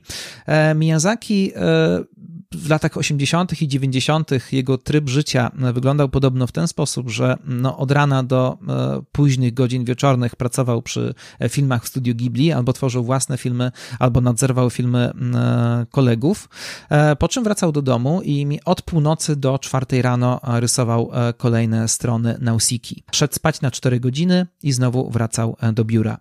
To się wiązało z wieloma problemami w jego życiu prywatnym także, o czym powiem troszkę później. E, ale ten tryb życia musiał być w jakimś sensie wykańczający, tym bardziej, że e, Studio Ghibli jest oczywiście studiem, to znaczy to jest studyjna animacja, czyli e, mamy bardzo wiele osób, które zajmują się, jedni zajmują się projektowaniem postaci, inni zajmują się animowaniem, rysowaniem. Często nad jednym filmem pracuje ponad 100 osób, w przeciwieństwie do animacji autorskiej, która polega na tym, że mamy jednego człowieka, który wszystko rysuje, animuje i tworzy sam. Ale w przypadku Miyazakiego tak naprawdę ta granica między animacją studyjną a autorską bardzo się zaciera, e, ponieważ Miyazaki, człowiek e, o bardzo silnej własnej wizji artystycznej, ale też o takim po, silnej potrzebie kontroli, e, zazwyczaj w swoich filmach większość klatek, dosłownie klatek nadzorował sam. Wszystko sam musiał zawsze zobaczyć, wszystko sam musiał zatwierdzać, wobec czego jego własna praca i wymagało to od niego dużo większego nakładu pracy niż ma to miejsce zazwyczaj w przypadku reżysera filmu animowanego tworzonego studyjnym innymi metodami. E, Miyazaki jest wobec tego zmęczony, ogłasza, e, zaczyna tak przebąkiwać, że być może e, pójdzie na emeryturę, ale długo nie wytrzymuje. No i w 2001 roku ukazuje się jego kolejny film, jego kolejny sukces sukces również już tym razem międzynarodowy. Spirited Away to film, który dostaje mnóstwo nagród i, i który dla wielu osób był pierwszym zetknięciem, pierwszą możliwością zetknięcia się z kinem Miyazakiego. To był pierwszy film E, tego twórcy, który trafił do regularnej, regularnej dystrybucji e, w Polsce i to w dużym stopniu brało się właśnie z międzynarodowego, międzynarodowego sukcesu filmu. Skąd się wziął pomysł na Spirited Away? Otóż e, Miyazaki miał takie poczucie, że mm, japońskie, japońskie społeczeństwo w drugiej połowie lat 90. jest w bardzo potężnym kryzysie. Bardzo zwesternizowane, zapomniało o pewnych swoich tradycjach, a zarazem klasa średnia japońska podąża za e, bogactwem, za pewnymi oznakami statusu, e, za przepracowują się e, osoby w średnim wieku i często zapominają o swoich dzieciach, które są pozostawione same, same, sobie, same sobie, a zarazem miał wrażenie, że dzieci, młode dzieci wychowujące się w latach 90. są niejako apatyczne. Mają być może zbyt dużo bodźców i dlatego nie mają pewnej żywotności, które miały jeszcze dzieci wychowujące się dekadę wcześniej. Bardzo to mi jest jakiego martwiło i w ogóle ten model rodziny, który się wytworzył e, w Japonii, nadmierny konsumpcjonizm, e, to było coś, co, czym on się bardzo przejmował i stwierdził, że trzeba stworzyć film, który będzie pewnego rodzaju komentarzem do tej sytuacji. E, Spirited Away ma swoje źródło z jednej strony w pewnych wątkach z mangi Nausika, ale z drugiej strony jest rozwinięciem pewnych pomysłów, które były w moim sąsiedzie Totoro. Znowu, tak jak w Totoro, mamy tutaj świat, który zapomniał o swojej magiczności, Japonię, która zapomniała o swoich pierwotnych shintoistycznych wierzeniach. Znowu mamy jakąś wioskę, e, w której są e, kapliczki, w której są jakieś zniszczone miejsca kultu, które odwołują się do jakiejś tajemniczej przeszłości, ale nikt już za bardzo nie wie o co chodzi. No i mamy pewną japońską typową rodzinę, która jedzie ze swoją córką Chihiro na wakacje. E, zatrzymują się, żeby zobaczyć jakąś taką zapomnianą wioskę, jakąś zapomnianą świątynię. No i tam dochodzi do E, takiej sytuacji, kiedy e, wiedzeni e, instynktem konsumpcyjnym rodzice Chihiro zostają zamienieni w świnie. Chihiro będzie musiała uratować swoich rodziców, a żeby to zrobić, będzie przechodzić serię prób. Trafi do tajemniczego miejsca, które jest łaźnią dla japońskich bogów czy demonów i tam znajdzie pracę. I tu znowu mamy wątek młodej osoby, która zyskuje podmiotowość, uczy się dojrzałości i zarazem auto, zyskuje autonomiczność od świata zewnętrznego właśnie poprzez pracę. E, I ta praca jest jakby początkiem jej inicjacji. E, w dodatku e, całą tą łaźnią dyryguje pewna czarownica czy wiedźma Yubaba, która zabiera Chihiro imię. I ona będzie musiała najpierw odzyskać swoje imię, dzięki temu stanie się znowu sobą i przestanie być więźniem Yubaby, no ale zarazem dzięki temu będzie mogła uratować swoich rodziców. Pozna bardzo specyficzny, bardzo dziwny świat, który jest magiczny, a zarazem troszkę przerażający, czasami groteskowy, czasami groźny. E, ale też e, e, zostanie, pozna pewnego chłopaka, który ma na imię Haku i który jest związany również z jej przeszłością, jak się potem tego dowiemy, no i który mm, musi wykonywać polecenia Jubaby, ponieważ kiedyś jakby zaplątał się w pewną sytuację, no i teraz będzie musiał się z niej wyplątać.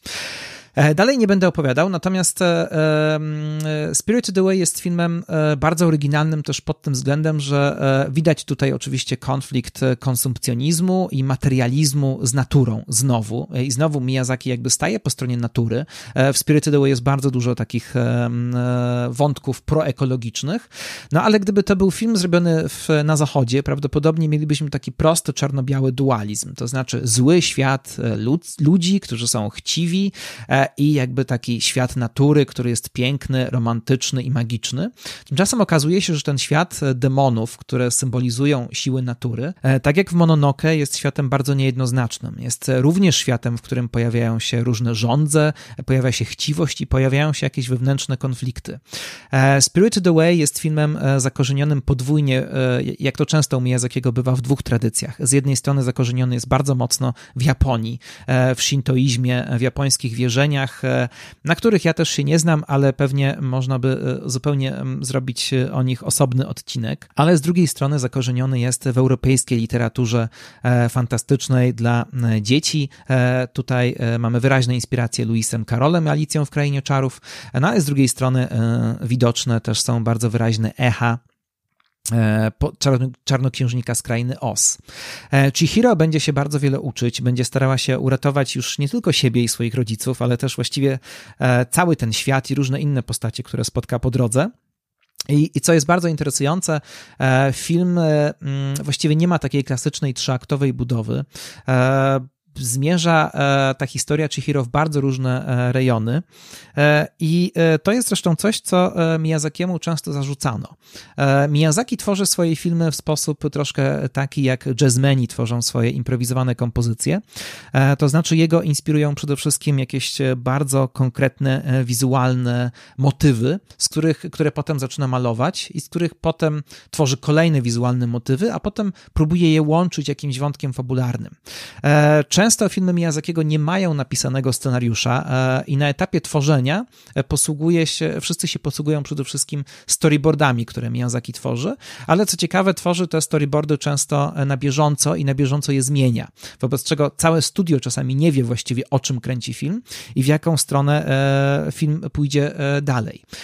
Przy okazji Spirited Away Miyazaki, tak jak już mówiłem, troszkę zmęczony, swoim trybem pracy, oddał bardzo dużo, e, dużo więcej wolności animatorom i rysownikom, e, dużo mniej e, mm, elementów filmu bezpośrednio nadzorował, ale to też spowodowało pewne konflikty. Główny animator filmu i zarazem projektant postaci Yubaby miał zupełnie inną, inny pomysł na to, jak Yubabę rozwinąć i w jaką stronę potoczy się historia Chihiro. W pewnym momencie Miyazaki jednak pokazał swój stanowczy sprzeciw przeciwko takim pomysłom, jakby przejął z powrotem całkowitą kontrolę nad filmem, e, co doprowadziło do konfliktu wewnątrz zespołu, no ale zarazem e, Miyazaki doprowadził do końca jakby własną wizję, która się zrodziła w trakcie tworzenia filmu. E, I w książce Andrew Osmonda o Spirited Away, w książce ze słynnej serii BFI Film Classics, wydawanej przez British Film Institute, Andrew Osmond opisuje mm, krytykę, która mm, związana jest z, tą, z tego typu metodą pracy Miyazakiego, dlatego że e, wiele osób wytykało Miyazakiemu, i to zarówno w Japonii, jak i na Zachodzie, że Spirited Away jest e, takim filmem niespójnym. To znaczy, e, że właściwie w połowie nagle staje się filmem o czymś zupełnie innym, pojawiają się jakieś zupełnie nowe wątki, zupełnie nowe postaci, że ma się wrażenie, że ten scenariusz jest właśnie taki bardzo szczątkowy i zmierza w zupełnie różne strony i to wszystko nie jest do końca koherentne. E, trzyma się oczywiście na pewnej wizji, e, mm, na pewnych koncepcjach wizualnych, na pewnych koncepcjach symbolicznych, e, ale tak naprawdę Czuć tutaj pewne braki scenariuszowe. No i oczywiście można Miyazakiemu czynić tego typu zarzuty, ale z drugiej strony być może właśnie na tym polega specyfika jego kina i pewna niezwykłość, że my czujemy to, że to wszystko jest historia w jakiś sposób improwizowana, I cieszymy się też z tego, że tak naprawdę nie wiemy, co się za chwilę wydarzy, że właśnie ta historia może podążyć w jakieś zupełnie nieoczekiwane przez nas wcześniej rejony. Wydaje się, że Spirited Away faktycznie jest takim niezwykłym popisem Miyazakiego i wizualnym, i treściowym. Tutaj jest bardzo dużo, ten film jest niezwykle gęsty i ma bardzo dużo wątków, który, którymi można by się zająć osobno, ale na to w tym momencie nie ma czasu. Może jeszcze kiedyś wrócimy do Miyazakiego, jeśli będziecie chcieli i wtedy przyjrzymy się jakimś poszczególnym elementom jego kina, a być może właśnie przyjrzymy się bliżej Spirited Away. Pora, polecam w każdym razie książkę Andrew Osmonda, chociaż ona jest o tyle ciekawa, że w sumie jest dość chłodna i pod wieloma względami dość krytyczna. Andrew Osmond również nie próbuje zajmować się, e, nie, spróbuje, nie próbuje specjalnie wgłębiać się w te elementy shintoistyczne japońskie, natomiast szuka raczej tego, co może być ważne w tym filmie dla e, e, widza zachodniego. Jeszcze jedna ważna, ważna rzecz, mianowicie Miyazaki w filmie o sobie, Ten Years with Hayao Miyazaki, mówi, że podkreśla, że Spirited Away to nie jest film dla Japończyków i mm, zachodni widz może odnieść pewne błędne wrażenie, że japońskie dziecko na przykład będzie rozumieć te wszystkie shintoistyczne odniesienia. Tymczasem e, dla Japończyka, dla młodego Japończyka, ten świat e, tych bogów, które jakby wskrzesza e, w swoim filmie Miyazaki, jest światem równie obcym i równie egzotycznym jak dla widza zachodu. Dla widza z zachodu oczywiście to jest w ogóle coś egzotycznego, natomiast e, dla Japończyka to jest coś jakiegoś bardzo dawnego, bardzo odległego, ale nie jest to wcale tak, że młodzi Japończycy w tym świecie się lepiej odnajdują.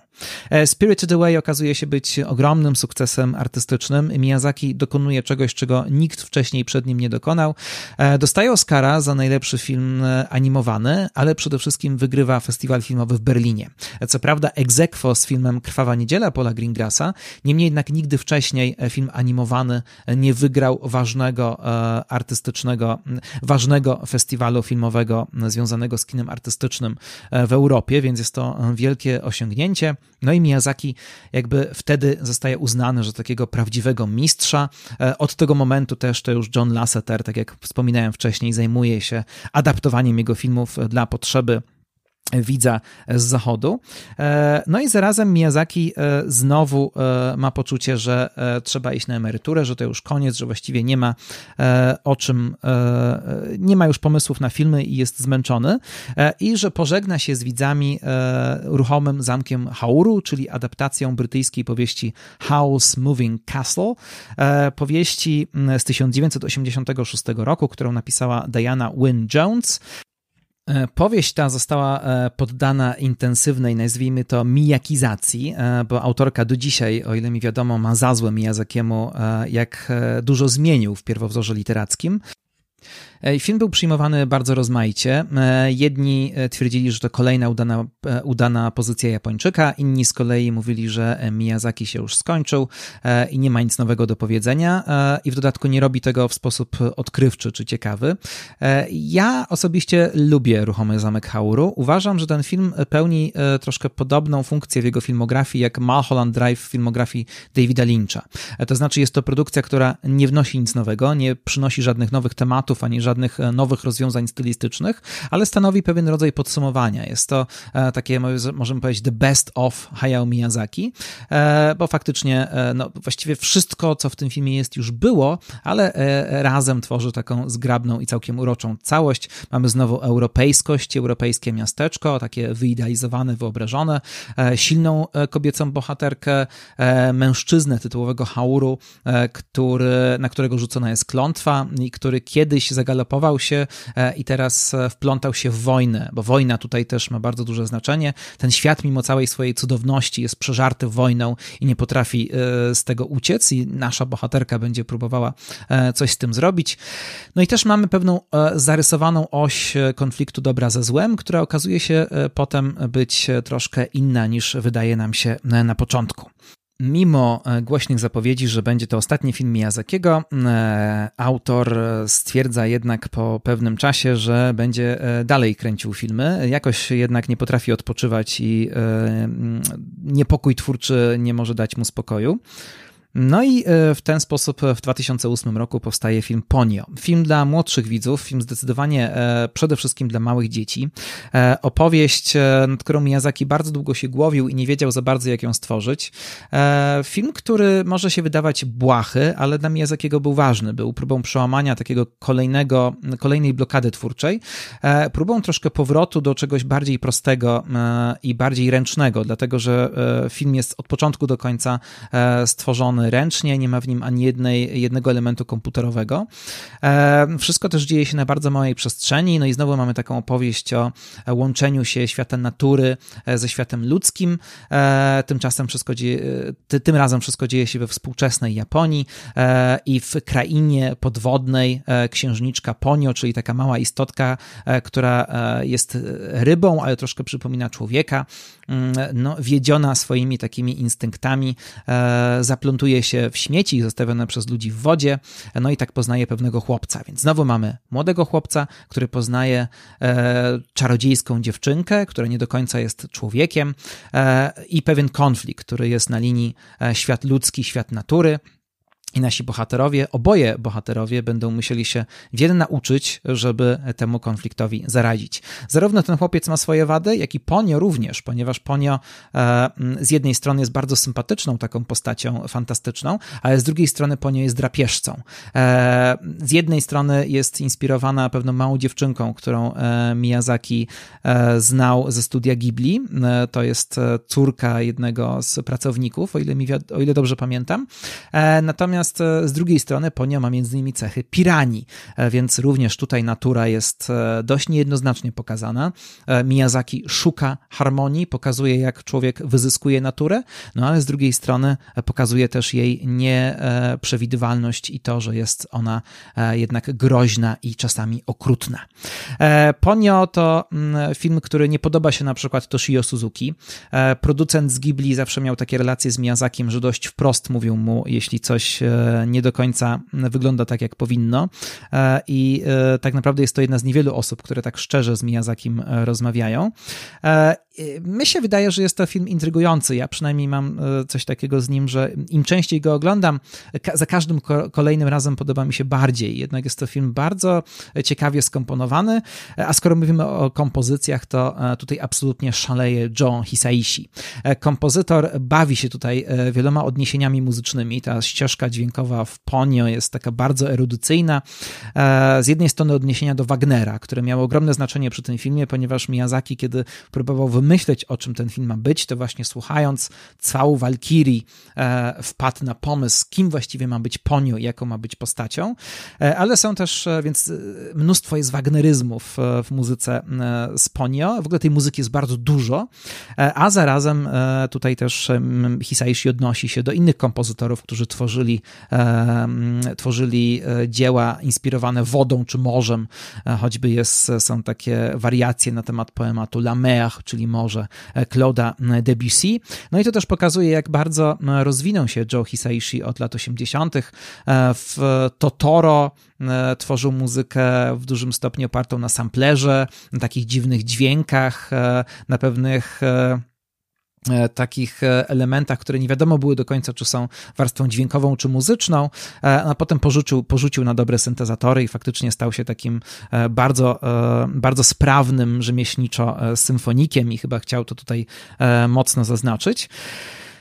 No i po Ponio Miyazaki znowu ogłosił, że idzie na emeryturę, ale trzeba będzie się pożegnać jeszcze jednym filmem. I Wydawało się długo, że Miyazaki dotrzyma słowa, że film Zrywa się wiatr będzie jego pożegnalną e, produkcją, no ale okazało się, że jeszcze e, Miyazaki ma coś w zanadrzu i e, przed nami jeden film, który chce zrobić, który ma się ukazać może w tym, może w przyszłym roku. Podobno około 20% filmu jest skończone, niektórzy z kolei twierdzą, że już jest prawie gotowy, więc zobaczymy, ale jak się okazuje Miyazaki nie potrafi odpoczywać. No ale zajmijmy się jeszcze tym filmem Zrywa się wiatr, bo jest to produkcja bardzo niezwykła i chyba nie bez powodu Miyazaki miał poczucie, że trzeba zakończyć swoją karierę właśnie tym filmem. E, przez te dwa odcinki starałem się pokazać, że Miyazaki jest człowiekiem wewnętrznie rozdartym i to wewnętrzne rozdarcie jest widoczne w jego filmach. E, zarzucano Miyazakiemu, choćby w książce Bardzo ciekawie piszą o tym Colin Odell i Michel LeBlanc w takiej książce Studio Ghibli, która jest taką zbiorczą opowieścią i próbą analizy, podsumowania tego, e, czym Studio Ghibli się zajmuje. E, oni tam między innymi zwracają uwagę na to, że mm, Miyazaki, e, miłośnik natury, no ale z drugiej strony w Lapucie głównymi bohaterami są mieszkańcy górniczego miasta i są pokazywani z dużą atencją, e, a górnictwo, jak wiadomo, jest, no szczególnie dzisiaj to wiemy, jest czymś, co naturę e, uszkadza i w dużym stopniu ją wyzyskuje. E, samoloty, batalie, wojny, przemysł. To jest coś, co Miyazaki y, bardzo ceni e, i co e, często jest pokazywane właśnie w sposób pozytywny. Chociażby ta pani Eboshi e, jest w Mononoke, jest właśnie postacią, którą jesteśmy w stanie obronić. I to jest jakaś taka spora sprzeczność w twórczości Miyazakiego. Trudno jest wobec tego japońskiego twórcę zaliczyć do takich ekologów e, w takim sensie współczesnym. E, Miyazaki jest jakby w rozkroku przez cały czas i jeszcze to jego umiłowanie samolotów powiązane z wojną, to jak jego rodzina, jak jego rodzina była usytuowana w czasie II wojny światowej i co nie daje mu przez cały czas spokoju. On myślę sobie zawsze zdawał sprawę z tego, że jego filmy mają tego, mają tego typu dwuznaczność, że nie da się z nich wyciągnąć takiej prostej opowieści o dobrej naturze e, i złych ludziach, że e, to, czego on by też chciał, czyli pewnej harmonii e, z naturą, to nawet to, to nie jest możliwe choćby ze względu na jego własne pasje, bo on się pasjonuje rzeczami, które tę naturę niszczą. I ten rozdźwięk, w jakimś sensie być może chciał pogodzić albo chciał się troszkę usprawiedliwić, e, kręcąc e, Zrywa się wiatr, czyli film, który jest e, filmem biograficznym, animacją, ale filmem biograficznym, filmem historycznym w jakimś sensie, bardzo oryginalną propozycją, która właściwie już nie jest fantastyczną opowieścią dla dzieci jest to film biograficzny na temat e, postaci Jiro Horikoshiego. E, Jiro Horikoshi to był e, wybitny projektant samolotów japońskich, który mm, swoją karierę rozwijał przed II wojną światową i potem w trakcie II wojny światowej i to jest jakby całe, e, cała niezręczność tej postaci, że Jiro, Hi, e, Jiro Horikoshi e, projektował między innymi samoloty, słynne samoloty Mitsubishi Zero, które potem atakowały Pearl Harbor i którymi latali kamikadze. A więc były to samoloty, które służyły zbrodni i służyły działaniom wojennym. E, I Horikoshi e, wydaje się być postacią, z którą Miyazaki w jakimś sensie się utożsamia, która mu jest bardzo bliska. Być może gdyby Miyazaki e, sam nie był twórcą filmów animowanych, tylko zajmował się konstruowaniem samolotów, to również byłby ofiarą tego typu dylematów. E, Horikoshi e, w filmie jest pokazany przede wszystkim jako idealista i pracocholik, człowiek, który chce po prostu wykonywać swoje zadanie, a jednocześnie traktuje to, co robi, jako rodzaj sztuki. E, Miyazaki pokazuje go przede wszystkim w czasach przedwojennych, czyli wtedy, kiedy jego pasja, jego działalność może jeszcze być, może jeszcze mieć pewien posmak niewinności. Ale między innymi inspirując się Tomaszem Manem i Czarodziejską Górą, dodaje fikcyjny epizod z życia e, Horikoshiego, e, kiedy e, przebywa on w pewnym ośrodku i tam poznaje postać, tajemniczą postać Kastorpa. I Kastorp przypowiada mu niejako to, co potem stanie się i z jego krajem, i z czym będzie się wiązać jego działalność. Film wzbudził, wzbudził pewnego rodzaju kontrowersje, dlatego że po pierwsze w ogóle zrobienie filmu animowanego o historii Japonii i o E, tym, jak Japonia, e, o człowieku, który jest zaangażowany w przemysł e, samolotowy i wiąże się to z II wojną światową. Dla niektórych to było troszkę niezręczne, zwłaszcza na zachodzie, nie do końca, gdzie cały czas jest pewien opór wobec poważnego kina animowanego. Nie wszystkim się to podobało. No ale z drugiej strony zarzucano też Miyazakiemu, że taki wielki temat tego konfliktu, który wydaje się też jego samego trapi, potraktował w sposób, w sposób lekko e, uproszczony e, i że zakończenie tego filmu jest jednak rodzajem uniku. E, to już każdy będzie miał własne zdanie na ten temat, natomiast faktycznie warto powiedzieć, że jest to film niezwykle oryginalny i niezwykle ciekawy. E, no i tak właśnie e, kończy się takim w sumie dość gorzkim filmem, aczkolwiek bardzo pięknym, bardzo poetyckim e, opowieść o Miyazakim. Próbowałem tutaj pokazać, że Miyazaki jest osobą, która jest w pewnym takim wewnętrznym konflikcie i myślę, że ten konflikt dzisiaj jest nawet jeszcze bardziej znaczący niż kiedyś, ponieważ dzisiaj zajmujemy się sporo kwestiami ekologicznymi. Zastanawiamy się, jak, jaki mieć stosunek do natury, czy jak na nowo go e, zdefiniować. I myślę, że wiele osób jest w ma w sobie taki wewnętrzny dylemat, jaki Miyazaki ma chyba przez całe życie. No bo wyobraźmy sobie, że e, Miyazaki idzie sobie i wyjeżdża na przykład na wieś, on ma takie ulubione miejsca, do których wyjeżdża, zachwyca się lasem, zachwyca się łąkami, zachwyca się e, całym światem natury, no ale z drugiej strony za chwilę leci samolot i Miyazaki również zachwyca się nim. No i jak tutaj pogodzić te sprzeczne, jak się okazuje, uczucia? I tutaj dochodzimy do e, ostatniego elementu naszej opowieści, czyli tego, co obiecywałem na początku, a mianowicie skąd wzięło się tajemnicze słowo Ghibli, co ono właściwie oznacza. E, pierwszy problem z tym słowem pojawia się już na poziomie wymowy. Jedni mówią Ghibli, inni mówią Ghibli. E, w takim razie, jaka jest prawidłowa wymowa? Japończycy mówią Ghibli. To jest dość jednoznaczne. Nawet e, nie znam japońskiego, ale dowiedziałem się, że e, po japońsku to słowo zapisuje się w taki sposób, że nie da się go przeczytać inaczej. Wobec czego możemy stwierdzić, że studio nazywa się po prostu Ghibli. E, być może wzięło się to stąd, że Japonia jest mimo wszystko krajem pod pewnymi względami dość zamerykanizowanym i dużo jest zapożyczeń z angielskiego i prawdopodobnie Amerykanin, kiedy zobaczy napis Ghibli, no to przeczyta to Ghibli, wobec czego Japończycy niejako to przejęli ze świata anglojęzycznego. E, dlaczego jednak e, są tacy, którzy czytają Ghibli? Na przykład ja się tutaj upieram przez dwa odcinki przy tej wymowie. E, z jednej strony to jest kwestia przyzwyczajenia, ale jak najbardziej taka wymowa również jest prawidłowa. Dlaczego? Otóż słowo Ghibli jest słowem z języka włoskiego. E, i jak najbardziej po włosku Ghibli czyta się Ghibli. E, między innymi mamy samochód Maserati e, Ghibli. Słowo to oznacza wiatr, pewien rodzaj wiatru północnoafrykańskiego, wiatru pustynnego. Tak jak w języku polskim mamy nazwy dla wiatru, na przykład jest wiatr halny, tak samo Włosi mają nazwę Ghibli. Przy czym to też nie oni ją wymyślili, to słowo bierze się z języka arabskiego. No więc już mamy e, wiatr. E, Ghibli oznacza wiatr, e, więc coś, co jest bardzo ważne w twórczości Miyazakiego. E, wiatr symbolizuje naturę, wiatr porusza pewnymi rzeczami i sprawia, że mogą fruwać. Piękna scena, zrywa się wiatr nomen omen, kiedy Jiro bawi się papierowym samolocikiem, ale wiatr też symbolizuje to, co w naturze tajemnicze, nieodgadnione. Czasami, kiedy wiatr wieje w Nausice, czy wieje w Totoro, no to może zwiastować coś groźnego, coś niebezpiecznego E, coś e, tajemniczego. E, ale jeszcze jest jeden kontekst, mianowicie słowo Ghibli odnosi się do samolotu do samolotów Caproni e, Ghibli, które zostały stworzone, zaprojektowane przez e, Giovanni Battista Caproniego. Włoskie samoloty z lat 20. E, I Giovanni Battista Caproni pojawia się w filmie Zrywa się wiatr. Jest takim wielkim mistrzem dla Giro Horikoshi.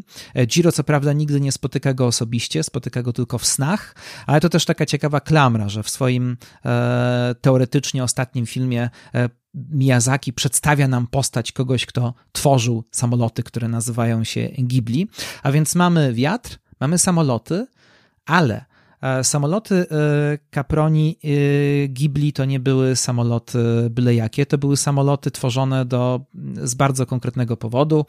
To były samoloty bojowe, samoloty, które Włosi tworzyli dla Libijczyków. Libijczycy je kupowali i dzięki i używali ich do wojen afrykańskich w latach dwudziestych.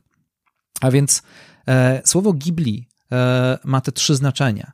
Z jednej strony to jest wiatr, E, z drugiej strony to jest samolot, no a z trzeciej strony to też jest wojna. Czyli trzy wielkie tematy Miyazakiego, e, które są ze sobą w jakiś dziwny sposób połączone i w taki tragiczny też sposób połączone i nie za bardzo e, wiemy i Miyazaki też nie do końca wie, w jaki sposób z tego się wyplątać. Odcinek poświęcony Miyazakiemu wyszedł dość długi, a i tak e, tylko e, dotknęliśmy pewnych elementów jego twórczości. E, dajcie znać między innymi w komentarzach na Facebooku albo na YouTubie, co myślicie. Może jeszcze kiedyś do Miyazakiego wrócimy, może zajmiemy się jakimś konkretnym elementem jego twórczości.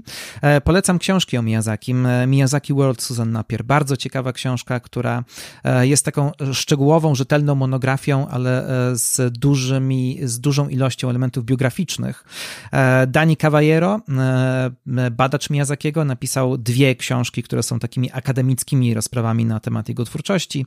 E, no ale też polecam Andrew Osmonda, wspomnianego, który napisał książkę Spirited Away dla British Film Institute.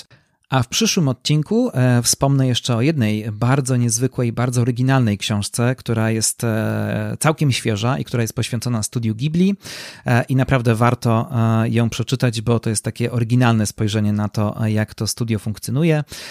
Natomiast teraz się już żegnam. Bardzo dziękuję za uwagę. Żegnamy się z Hayao Miyazakim, chociaż jeszcze troszkę będzie powracał w przyszłym odcinku, przy czym nie będzie już jego głównym bohaterem, ponieważ zajmiemy się innymi postaciami związanymi ze, studia, ze studiem Ghibli. E, głównym bohaterem naszego przyszłego odcinka e, będzie e, twórca moim zdaniem nie mniej wybitny niż Miyazaki, bardzo oryginalny, kojarzony przede wszystkim z grobowcem świetlików i chyba niesłusznie, czyli Isao Takahata. Do usłyszenia we czwartek.